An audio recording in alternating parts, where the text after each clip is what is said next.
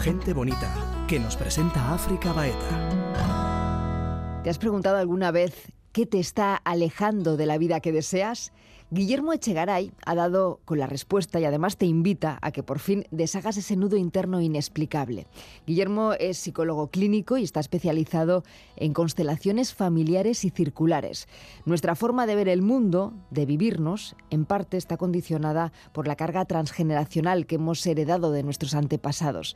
Él nos enseña hoy el camino para detectar aquello que nos bloquea, esas áreas disfuncionales que nos alejan de la vida que deseamos y que no nos está permitiendo avanzar. Gente bonita con África Baeta. Guillermo Echegaray, bienvenido a Gente Bonita. ¿Qué tal estás?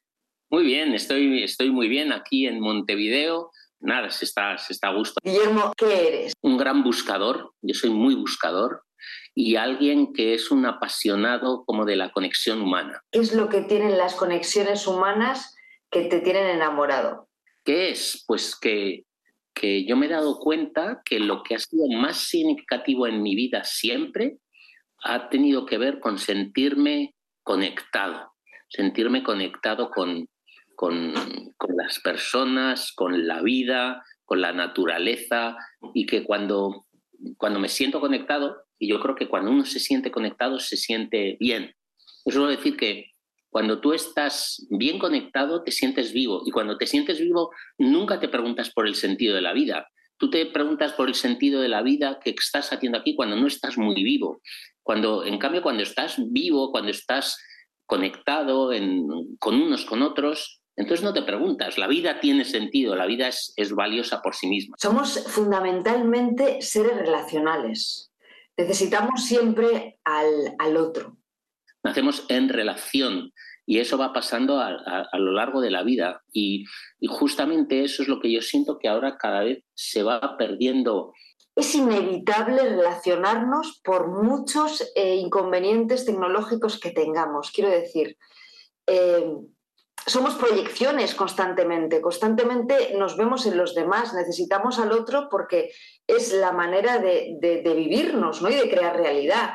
Más allá del tema relacional, que es muy enriquecedor, pero eh, necesitamos las relaciones porque es un juego de, proyecciones nuestras. Siempre, aunque, aunque, aunque queramos no relacionarnos, siempre estamos de alguna manera relacionándonos. El mito de que yo puedo ser un ser aislado, a no ser que te, que te metas en el, como el otro día que parece que murió el último de una tribu del Amazonas que estaba allí solo, pero también esa persona se relaciona, se relaciona con los elementos, con los árboles, con la tierra, con los... Siempre esa, esa, parte de, de, la relación es súper importante. Y la otra cosa que me parece a mí muy, muy significativa es que hay determinadas cosas que sabemos cuando el otro, por así decirnos, o las otras personas nos las preguntan, nos desafían. Yo solo por mí mismo no puedo, no puedo, yo solo por mí mismo ni puedo pensar las respuestas que te estoy dando ahora yo a ti, ¿sabes? Hay algo que tiene siempre que ver con entrar en relación y ahí crecemos y crecemos más y somos más inteligentes y, son, y sentimos más y vivimos más la vida. Sí, yo estoy convencida que el creernos nuestros personajes, nuestra individualidad, es una fuente de sufrimiento a la larga siempre, porque eh, yo creo que la vida o nuestra esencia nos lleva siempre a la unidad, ¿no? A yo reconocerme en ti como otra forma de ti, y en el vecino, y en el otro, y en el otro, ¿no? Entonces esa, esa, visión de unidad es que es, es la que nos saca del sufrimiento. Totalmente, totalmente. Y eso tiene mucho que ver con lo que yo he estado, digamos, trabajando o explorando desde hace años, que es como la visión sistémica, ¿no? que tiene que ver como que todo está conectado con todo. Hay como unos hilos invisibles que nos unen unos a otros y a las distintas y a las distintas situaciones y a las distintas personas y a nuestras ideas. Y, todo acaba estando en relaciones como una red de, de relaciones. Y en esa red de relaciones es donde nos movemos, crecemos, aprendemos. Y cuando nos desconectamos de esa red de relaciones o nos sentimos un poco desconectados, perdemos el lugar en el mundo, nos sentimos, aquí se dice, desubicados, ¿no? Me siento desubicado y la sensación de sentirse desubicado es una de las sensaciones más más desagradables que hay, más, más, más tristes que hay. Háblame de todo ese trabajo que tienes de tantos años de hasta llegar a descubrir esas redes sistémicas, ¿no? ¿Cómo, ¿Cómo las explicarías con más detalle para que la gente nos entienda? Yo era psicólogo, yo trabajaba de psicólogo en Pamplona, tenía un centro de psicología bastante conocido y ahí atendía a mucha gente. Y mi formación en psicología había sido bastante psicoanalítica. No es que hiciese psicoanálisis, pero sí iba en esa línea. Y lo psicoanalítico y, esa línea de trabajo, como otras, no solo la psicoanalítica, parte de la base como de que si a ti te pasa algo, hay algo intrapsíquico, algo dentro de tu psiquismo que no está funcionando.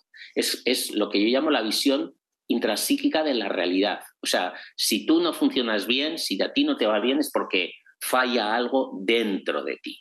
Y ese dentro, y lo que hay que hacer es trabajar en ese dentro para arreglarlo. ¿Eh? O lo mismo pasa con el coaching.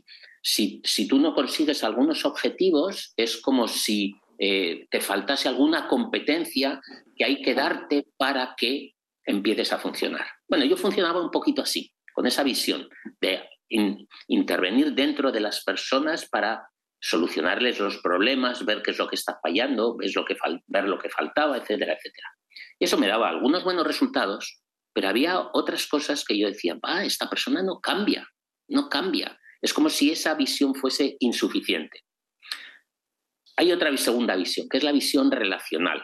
¿Qué, quiere decir esa visión? Que eh, algo así como que no solo, no solo hace falta que entremos dentro de uno mismo para ver qué es lo que falla, sino que eso depende de la relación que generemos. Vale, si tú generas una buena relación conmigo, va a salir una buena entrevista y va a salir una buena conexión aquí. Y si yo la genero contigo, también. Es algo como que no solo basta, no es solo que falle algo dentro, sino que todo depende o mucho depende de la relación. Y entonces yo me ocupaba también de, bueno, generar, generar mejores relaciones, conectar mejor con el otro, etc. Y eso también servía pero también a veces era insuficiente. Hasta que descubrí, por, medio de las constelaciones, que es que a veces hay determinados hilos que van más allá de nosotros. Es decir, que si las cosas no funcionan dentro de mí o si la relación no es suficiente para, para resolver los problemas, es porque estamos metidos como en un engranaje de, dinámicas, de cuestiones, de, formas de conectarnos que van más allá de nosotros mismos, muchas de estas formas ancladas en la historia familiar e incluso en historias familiares transgeneracionales, es decir, de, mis abuelos o de mis, incluso de mis bisabuelos, que están influyendo en cómo yo funciono, en cómo yo me porto, en cómo yo resuelvo los problemas. En otras palabras, esa es la visión sistémica. Y lo que me di cuenta es que muchas veces determinados problemas que cuando yo utilizaba las otras dos maneras de entrar en la realidad, la intrapsíquica y la relacional, las cosas no se resolvían, cuando empecé a aplicar la visión sistémica a través de las constelaciones, uy, a veces hasta mágicamente parecía que las cosas cobraban sentido, las personas resolvían problemas y además de una manera muy rápida. Era como si cuando tú aprendías a hilar esas relaciones y ese tejido, ese entramado de una manera adecuada, las personas empezaban a encontrar su lugar en el mundo, su lugar en la vida y a partir de eso resolvían problemas. Y eso me hizo a mí entusiasmarme por la visión sistémica. esa es la visión sistémica, darte cuenta que todo está conectado con todo y que determinadas cosas que a veces son inconscientes para ti, determinados sucesos, determinadas claves de la vida que han ocurrido, están influyendo de una manera inconsciente, de la que tú no eres consciente, para que tú estés mejor o peor.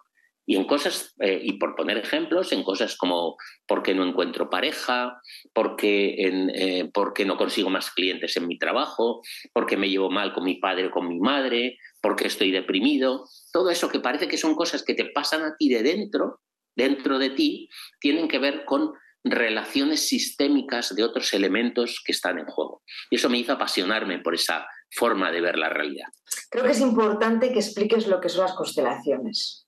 Bueno, pues las constelaciones son una herramienta, se puede decir que es una herramienta, una metodología que justamente lo que lo que eh, pretende, lo que busca, es encontrar cuáles son esas dinámicas que van más allá del individuo en su sistema familiar o en la empresa o en, o en, otros sistemas para encontrar soluciones a, esos problemas. Y lo curioso de las constelaciones, lo que es muy llamativo, es que la práctica que se usa consista en su, en su formato más, más habitual, que es un formato grupal, que tú tienes un, un, problema, una dificultad, algo que te está pasando, y entonces, siguiendo las indicaciones del facilitador que, lleva la constelación, tú eliges entre las personas que están en ese grupo a representantes de los, de los actores, em, de los protagonistas de esa historia. Por ejemplo, tu padre, tu madre, un hermano, una pareja, los que se vean. Y lo curioso es que esas personas que no han tenido relación previa contigo ni saben de ti, se les pide que hablen un poco de qué es lo que están viviendo, de lo que están sintiendo. Perdón, se me ha olvidado decir una cosa. Utilizas esos representantes y los colocas los posicionas, los constelas. Constelar significa cómo los pones en relación unos con otros. Y lo curioso es que esas personas que no tienen conocimiento previo de tu situación y de tu vida, muchas veces, no, muchas veces no, siempre, de alguna manera representan con una, con una fidelidad, con una, hasta a veces diciendo palabras que los originales dirían, representan la situación.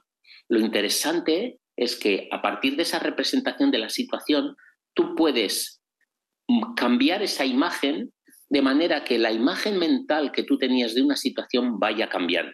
Y a partir de cómo va cambiando esa imagen mental, tú puedes empezar a vivir eso de manera distinta. En el fondo, en el fondo, es como si a partir de esa representación que haces tú en, el espacio, en el espacio quiere decir en una sala con gente, a partir de esa representación tú puedes reencuadrar una situación, puedes aprender a mirarla, a verla de una manera diferente. Y eso ayuda a que la persona se pueda liberar de problemas que podían estar anclados desde hace mucho tiempo. Eso es básicamente la constelación. ¿Y, por qué? Em, yo he estado en una sesión de constelaciones y he alucinado. Lo que tú estás diciendo lo he vivido. O sea, cómo la gente encarnaba a personajes de mi familia perfectamente en posturas y en todo. Pero ¿de dónde captan esa información? ¿Es una información que está en el entorno energética? Hay muchas, hay determinadas ideas, eh, determinadas teorías sobre por qué ese fenómeno sucede. Eh, hay la teoría una que se usa mucho, de la que yo no soy muy amigo, eh, viene de un físico eh, que se llama Rupert Sheldrake, que habla de los campos mórficos, como si cuando tú generas ese espacio se generase ahí un, campo como que tiene cierta información. Yo no, eh, no, me fío mucho de esa teoría, no soy muy partidario. A mí me parece que hay cuatro cosas. Una es como, la, por un lado está el poder que tiene la intención, cuando, eh, cuando si, yo, si yo te pido a ti, tengo la intención de que tú y tú te, prestas a decir que yo no soy África, sino que estoy representando a la exnovia de Guillermo, tú te puedes colocar en ese papel. Hay algo muy poderoso de la intención. Segundo, hay otro factor que está influyendo allí que para mí es el poder que, que todavía no está suficientemente estudiado el poder de lo que se llaman las neuronas espejo, que están apenas descubriéndose, que son esas neuronas que ayudan a interpretar sentimientos, comportamientos eh, y, acciones de los otros. Y como si en ese momento que tú te colocas en una constelación, de alguna manera muy peculiar, las neuronas espejo estuviesen funcionando. Y tercero, hay algo que no... Eh, que todavía no está ni tan siquiera explorado, que es el poder de eso que se llama la inteligencia distribuida. Es decir, que un grupo, cuando se pone a pensar todos juntos, y si encima les colocas en esa disposición de hacer una constelación, traen informaciones que son que, llaman la atención, que van más allá de lo que se podría eh, de lo que se, podría eh, pensar o explorar. Pero lo curioso es que este tipo de fenómenos, que se llama el fenómeno de la percepción en constelaciones les llamamos la percepción representativa, es decir, que un representante está percibiendo cosas por otros. Pero me he enterado que últimamente en determinadas investigaciones que se hacen sobre los robots que están en Marte, eh, sacando fotos y haciendo cosas con ingenieros de la NASA, pasa una cosa muy parecida. Esos ingenieros se ponen a llevar un robot y, hablan entre ellos a través de, de, Zoom o de lo que tengan diciendo, ah, no, pues este tiene que acercar y girar más a la derecha, girar más a la izquierda y tal, y hablan. Y además ellos giran, según gira el robot, suelen girar, porque es como que se identifican con el robot. Bueno, lo curioso es que se han captado conversaciones donde uno de esos ingenieros dice, eh, le dice a otro, eh, ay, ayer quise hacer jardinería pero no había manera, porque el hombro izquierdo es que no había manera de poner la pala en, el, en, la tierra. Y el otro le contesta, ah, sí, tu robot también tiene fastidiado el brazo izquierdo. o sea que hay algo muy poderoso que no sé de dónde, de cómo puede proceder, pero también los robots en Marte responden al brazo del ingeniero que les lleva. Es muy parecido. Lo que pasa es que hay una información que todavía no acabamos de controlar y de, y de entender suficientemente. Pero ¿qué pasa? Yo es algo que como ya llevo tantas constelaciones, a veces me llama la atención, pero ya no me llama la atención, porque es, eh, porque es, como si perteneciese a lo común del, del, asunto, ¿sabes? En cierta manera, lo que se produce es una reconfiguración de una situación que teníamos en nuestro inconsciente y la resignificamos. Eso es, está muy bien explicado así.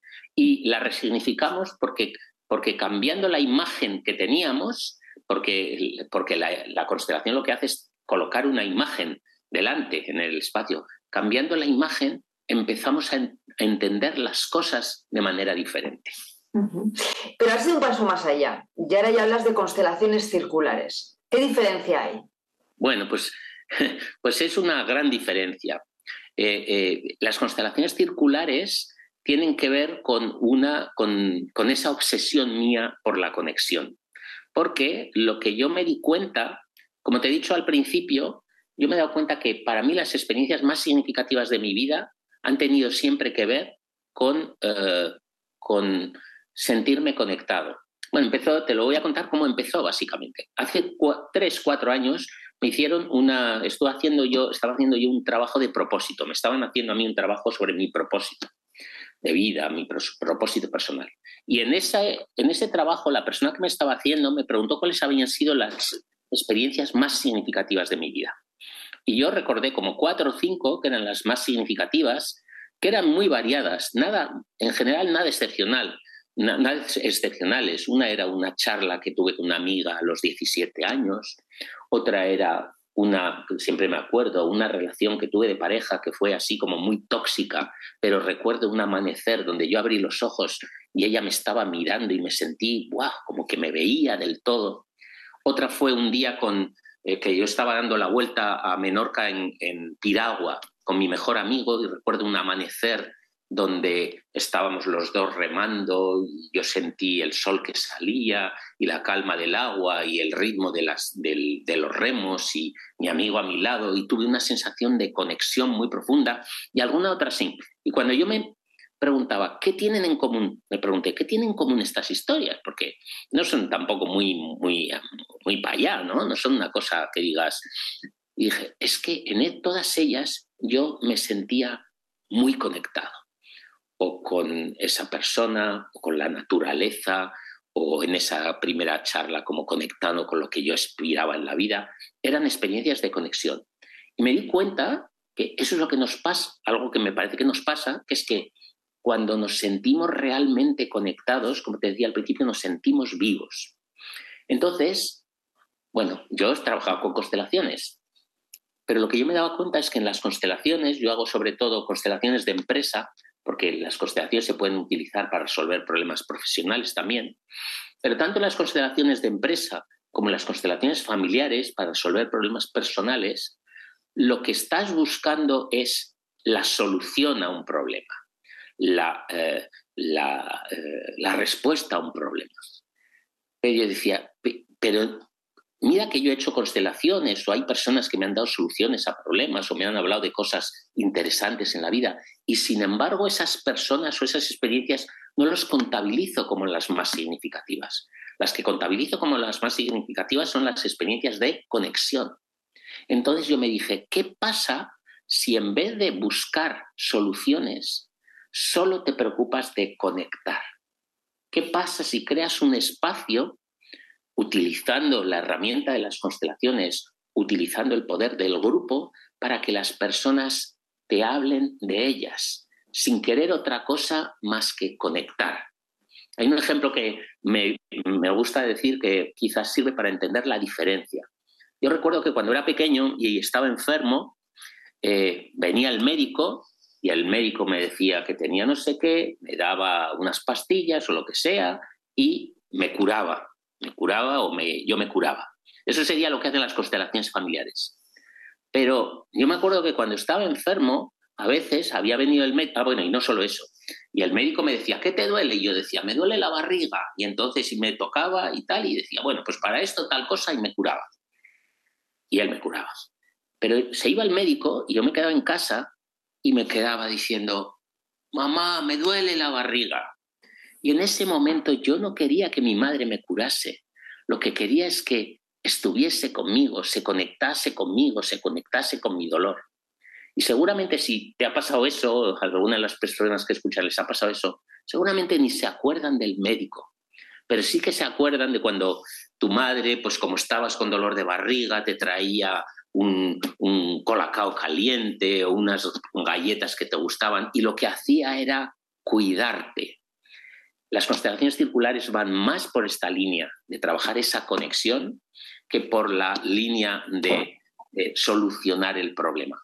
Con lo cual no es que sean mejores o peores, son cosas distintas. Pero lo que me doy cuenta es que cuando trabajamos en esta línea de la circularidad se producen auténticas transformaciones.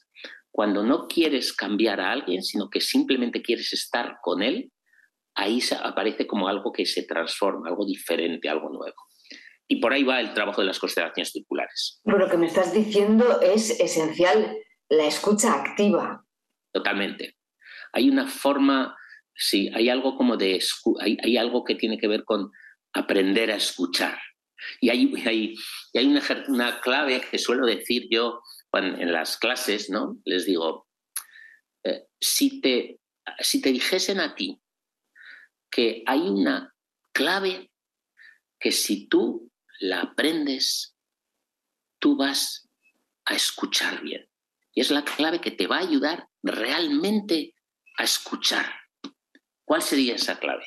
Entonces levantan la mano todos y como tú estarás pensando, pues dirán, pues la presencia, digo, no es esa. La empatía tampoco es esa.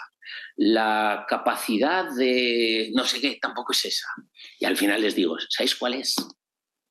Que no escuchamos.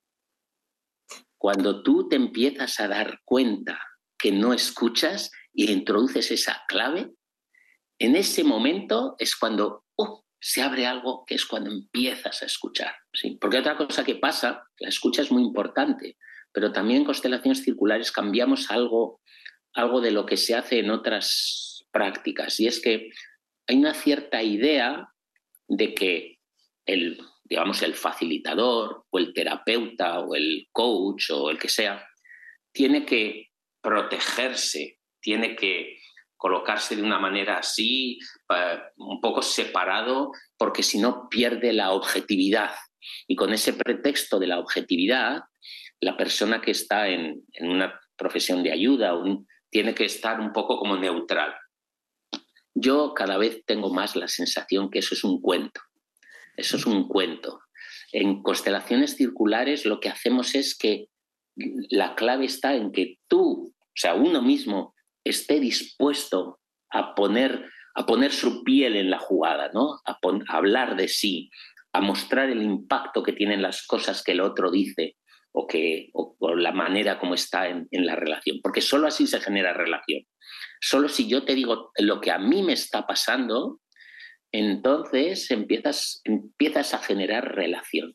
Y hay algo de eso en las circulares. En las circulares hay algo de decir, lo que a mí me está pasando. Por ejemplo, si yo ahora digo que, pa, me está encantando esta entrevista porque tienes una capacidad de entender y de hacer que yo hable de una manera diferente de esto que a mí me apasiona. Y me siento que, que, sí, que me estás escuchando y que con toda la práctica que tienes eh, sabes hacerlo de una manera diferente. Y, y eso hace que salga lo mejor de mí. Entonces en ese momento se genera algo diferente.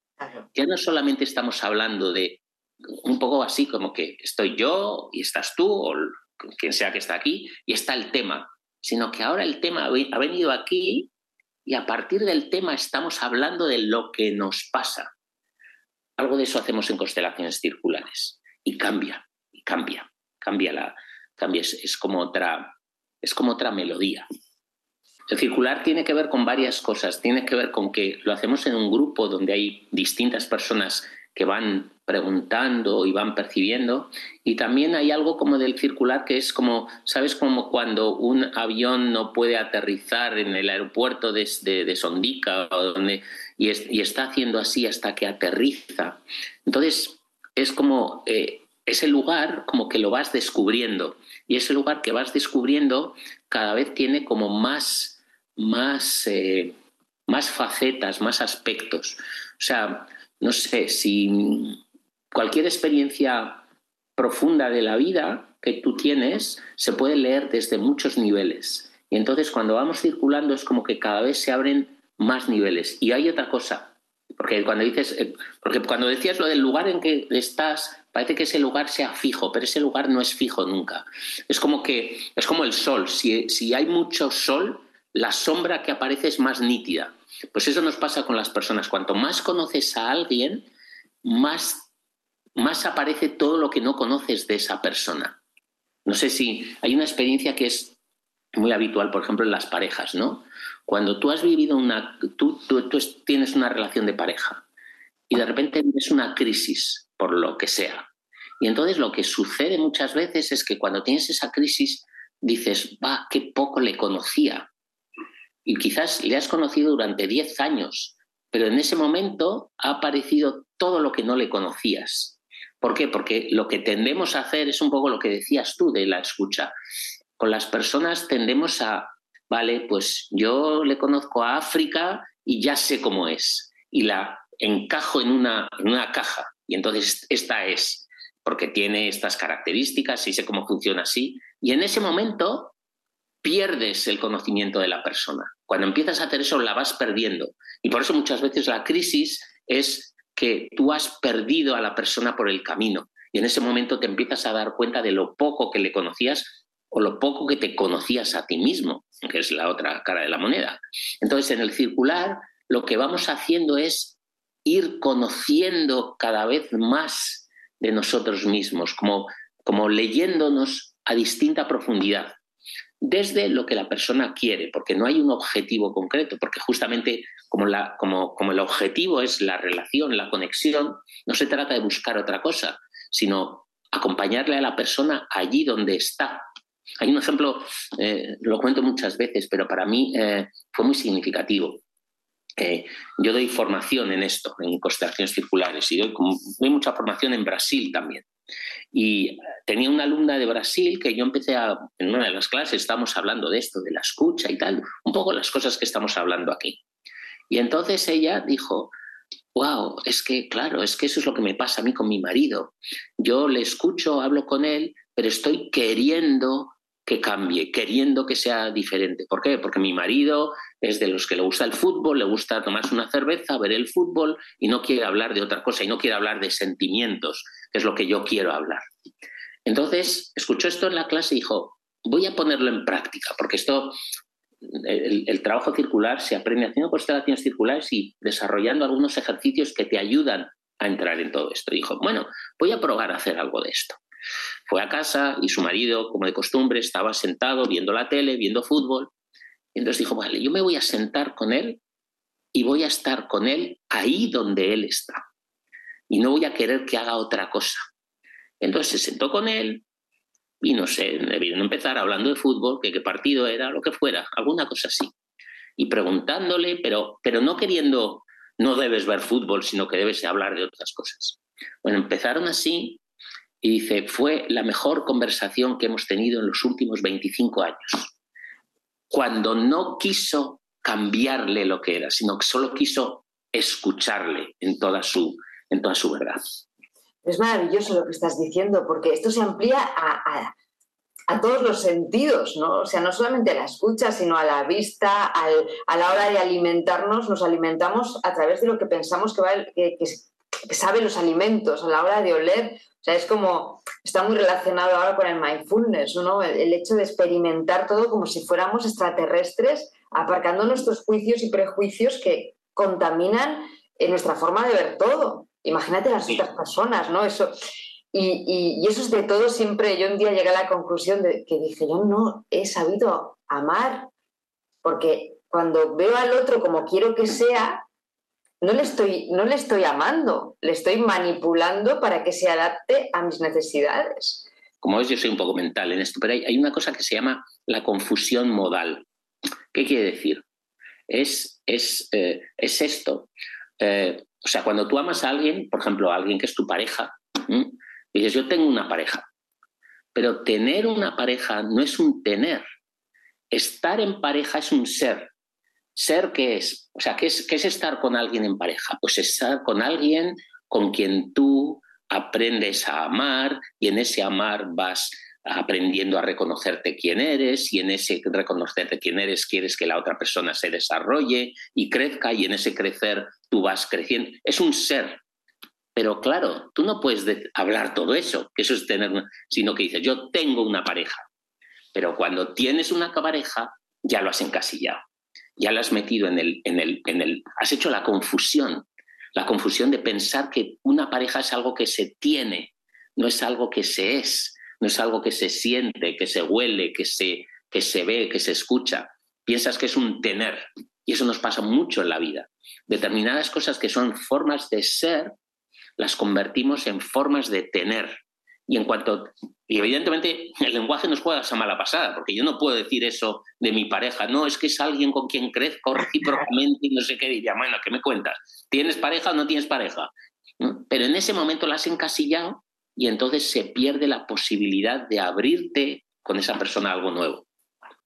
Qué, importante lo que estás diciendo y me parece súper emocionante porque eso es realmente lo que nos conecta a lo que somos y a lo que es el otro y dejamos de vivir desde, desde, desde la mente y desde el mundo de las proyecciones, que no hacen más que alejarnos y alejarnos y alejarnos de los demás, ¿no? O sea, parece súper bonito. Hay una duda que tengo, Guillermo. Cuando hacéis las constelaciones circulares, o sea, ¿cómo se va haciendo? ¿Van surgiendo temas? Eh, ¿Una cosa lleva a otra? ¿Vas creando preguntas, contextos? Entonces, una constelación circular en su forma más normal comienza con que una persona quiere ser circulada. Además, decimos ser circulada. Porque además no es cliente y además lo circular no es una terapia, para mí no me gusta que, me parece que pertenece a una práctica diferente de la terapia, porque, como te decía, no se trata de resolverle algo, sino que simplemente quiere circular. Y circular se circula en torno a algo que está vivo en ti ahora, algo que, es, que esté vivo, que puede ser un problema, porque puede que sea un problema, una dificultad que tienes, también puede ser una felicidad, también podemos circular con cosas buenas. Eh, tú puedes circular con que, eh, yo qué sé, tu hija o tu hijo eh, le va muy bien en el colegio, o le ha pasado no sé qué, o que has disfrutado mucho unas vacaciones, o algo que esté vivo. Porque también conectarte, no tienes que conectarte solo desde los problemas, también te puedes conectar desde las, desde las felicidades y los éxitos. Hay una, hay una competencia que yo les enseño a los alumnos a desarrollar. Es una competencia que tiene un nombre inventado por un tipo muy, muy listo, se llama eh, Daniel Schmachtenberger, que es la compersión. La compersión es lo contrario de la compasión. Compasión es, a ti te ha pasado algo malo y yo entiendo todo lo que te ha pasado y conecto contigo en ese dolor. Pero la compersión es la capacidad de alegrarnos con los éxitos del otro y es una preciosa cualidad que está muy en desuso, porque si a ti te va bien, me van a decir, bueno, algo habrá hecho, algo habrá hecho África para que le vaya también, porque no será para tanto. No, la conversión es qué bueno que te va bien, qué bueno que hayas podido realmente poner tu, tu conexión al servicio de disfrutar los éxitos del otro. Es muy preciosa y cambiaría muchas cosas si hubiese más compresión. Bueno, pero que me estoy enrollando. Entonces, eh, eh, tú, la persona que es circulada, eh, em, habla de algo que esté vivo en él o en ella, que quiera compartir. Y entonces las personas que están con él o con ella van escuchándole y van haciendo preguntas y van diciendo lo que a ellos les pasa y van, y van indagando más. Y eso tiene como su proceso, porque es un proceso eh, muy particular. Es un poco como el proceso, como cuando tú has tenido una conversación verdadera y profunda con alguien, que suele ser así. Y eso es lo que yo enseño en la formación, como esas fases del proceso. Una es como que al principio tú tienes que conectar y entender lo que la persona te está diciendo. Y realmente entender, entender lo que le pasa a él, no lo que te pasa a ti, sino lo que le pasa a él con ese asunto. No es tan fácil comprender eso, sino que hay que entenderlo bien. Después, cuando tú has entendido a alguien, se pasa por una fase que yo llamo frontera. Frontera es que cuando tú, siempre que hablamos de algo, siempre que estamos con algo, hacemos, tocamos un tope, que es cuando tú llegas al terreno, a la frontera donde se abre lo desconocido. Si tú tienes una alegría por algo, sabes de esa alegría, pero no sabes todo lo demás que hay. Y eso aprendes a, descubrirlo, a, sentir cuando estás tocando la frontera y, cuando hay que utilizar eso que llamamos el guerrero, que es el que es capaz de atravesar la frontera. Si tú atraviesas la frontera con, con, una alegría o con un dolor, a veces en un dolor hay algo que te duele, pero tú estás en una frontera que no te deja ir más allá. Si tú atraviesas la frontera llegas al bosque. El bosque es la zona, es como que has entrado en terreno desconocido, has entrado como en un lugar que no conoces de ti mismo. Y con los otros aprendes a indagar en ese bosque, a estar en ese sitio como, o un poco confundido a veces. Bueno, a veces no, casi siempre, porque el bosque es lugar de confusión. Si prosperas en el bosque, se produce la alquimia. Es como que, andas, empiezan a unir los, los hilos, es como distintos hilos que han ido saliendo, se unen y se pueden enlazar en algo nuevo es como que empiezas a encontrar como algo nuevo que te está pasando a ti, algo diferente en tu vida se está abriendo, una manera distinta de verte, de entender esa situación, de lo que sea. Y con eso lo que haces es volver a casa. Volver a casa es, bueno, y ahora con esto, ¿qué va a cambiar mi vida? Va, a ser, puede que sea distinto en algo. Entonces, no siempre pasa así, porque como te digo, no es algo que esté programado. Pero si tú haces un proceso circular, generalmente vas a ir eh, merodeando por esas fases que son las fases de, digamos, como de, hablar o de conocerte en verdad o conocer en verdad lo que está pasando en una situación o con algún tema. Y eso es lo que yo voy enseñando en la formación porque cada una de esas fases tiene momentos eh, distintos, tiene claves distintas. Por poner un ejemplo, un día estaba haciendo un workshop en Buenos Aires y cuando terminó el workshop había unos que iban en una despedida de soltera y con, con globos y tal, y, con el coche metiendo mucho ruido diciendo, me caso, me caso, me caso. Bueno, y nosotros íbamos al lado y digo, mira, esto es lo que pasa. A veces uno va ahí, está en la fase de, de alquimia y no es momento de bajar la ventana y decirle, te lo has pensado bien, ¿no? eso hubiese sido un momento anterior.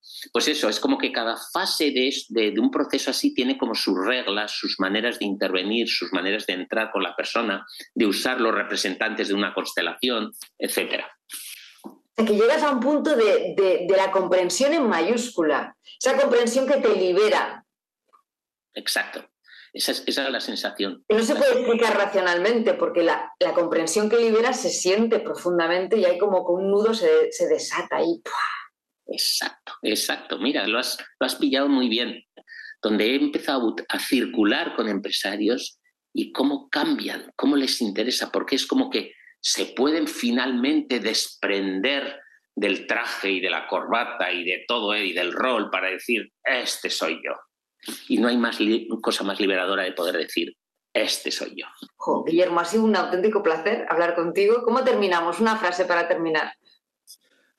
Uh, ¿Cuál sería la frase para terminar? El arte, el arte de aprender las conexiones verdaderas no me sirve. No ve los ojos de mi gente, no me sirve. Vivir en el ático de mi mente, no me sirve. Dominar, no me sirve. Tener dueño, no me sirve. Si no se está alineando con mi sueño, no me sirve.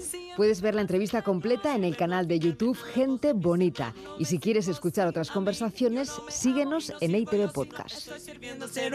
Cantamos para manifestar lo que anhelamos, alquimistas que con nuestros versos materializamos. Abracadabra somos cantadores que hilvanamos diferentes realidades con lo que verbalizamos. Soñamos y no hay quien detenga las visiones que creamos. No existen fronteras para lo que imaginamos. Esto sobrepasa cualquier regla, ley o límite geográfico y si no con música lo derribamos, en movimiento estamos y a cada paso dado el horizonte vislumbramos, pero mientras más avanzamos parece que nunca llegamos al destino del eterno viajero y lo disfrutamos al destino del eterno viajero y lo disfrutamos. No me sirve, no ve los ojos de mi gente, no me sirve vivir en el ático de mi mente, no me sirve dominar, no me sirve tener dueño, no me sirve si no se está alineando con mi sueño, no me sirve. si a mí me hace sirve no afinarme a la voz de mis hermanos, no, me sirvo si a mí. yo no me amo y no sirvo yo si no estoy sirviendo al ser humano. Mi vaso se vacía para llenarme de energía pura como agua cristalina, fluyendo mi sangre como la nieve andina que corre por montañas en los ríos, se ríen, cosquillas charangueras, medicina de la sierra, conecto con la fuente y la voz de la tierra, la jornada eterna, eterna se encierra, inhalo esta vida y suelto esta guerra, suelto el dinero, el miedo, el quejar, suelto etiquetas, mi orgullo, el juzgar, suelto compararme a la presión, el suponer, suelto el futuro, el mañana y el ayer, suelto la perfección y suelto la identidad. Yo suelto con mi Excel a programas de enfermedad. Suelto expectativas para poder flotar. Yo suelto el apego para poder volar. No me sirve, no ve los ojos de mi gente. No me sirve vivir en el ático de mi mente. No me sirve dominar. No me sirve tener dueño. No me sirve si no se alineando con mi sueño. No me sirve si a mí me hace. No me sirve no afinarme a la voz de mis hermanos. No me sirvo si a mí yo no me amo. Y no sirvo yo si no estoy sirviendo al ser humano. Soltar hacia el camino más liviano, soltar para no seguir como un esclavo encadenado. Soltar las cuentas pendientes con el pasado, soltar toda la vida, la muerte andando a nuestro lado. Soltar como la hoja que en el viento va dejándose llevar. Soltar para sentir la ligereza y volar. Soltar sin tener pánico a la fragilidad. Soltar nada es seguro en este mundo, eso es soltar presuposiciones, soltar preocupaciones, soltar la idea de que hay mejores y hay peores. Soltar las opiniones que tienen de mí los reflectores Soltar la ruta enferma de los opresores. Soltar las armaduras pa' que aflore el alma pura. Soltar las ataduras, las internas dictaduras. Soltar toda moldura que limite la cordura. Soltar esa es la cura pa' mi miedo a las alturas. Soltar las armaduras pa' que aflore el alma pura. Soltar las ataduras, las internas dictaduras. Soltar toda moldura que limite la cordura. Soltar esa es la cura pa' mi miedo a las alturas. Soltar esa es la cura pa' mi miedo a las alturas. Soltar, saltar, volar para llegar hasta tu hogar. Soltar, saltar, volar, dejando ir, dejando atrás. Soltar, saltar, volar para llegar hasta tu hogar. Soltar, saltar, volar, dejando ir, dejando atrás. Soltar, saltar, volar para llegar hasta tu hogar. Soltar, saltar, volar, dejando ir, dejando atrás. Soltar, saltar, volar para llegar hasta tu hogar. Soltar, saltar, volar, dejando ir, dejando atrás.